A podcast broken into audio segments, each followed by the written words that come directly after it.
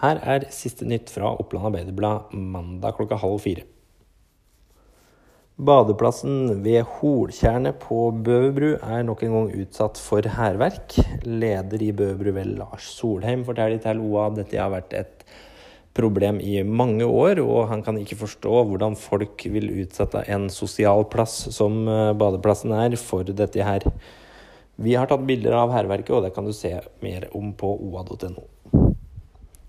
39-årige Camilla Skjetne fra Biri ligger på sykehus etter å ha vært involvert i ei ulykke under sykkelrittet Lillehammer, Oslo på lørdag.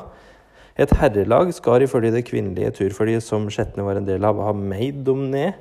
Og herrelaget har blitt anmeldt for hendelsen, sjøl om laget til disse damene har fått en beklagelse fra herrelaget.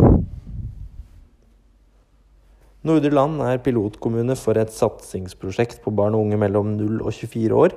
Starten på prosjektet var de store avvika som ble avdekka ved Land barnevern i 2016.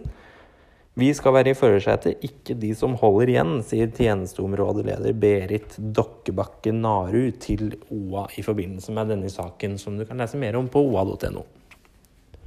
I kveld møter Raufoss 2 Rosenborg 2. Ellers er det mye idrett landet rundt du kan se i vår direktesport. Ha en fortsatt fin kveld.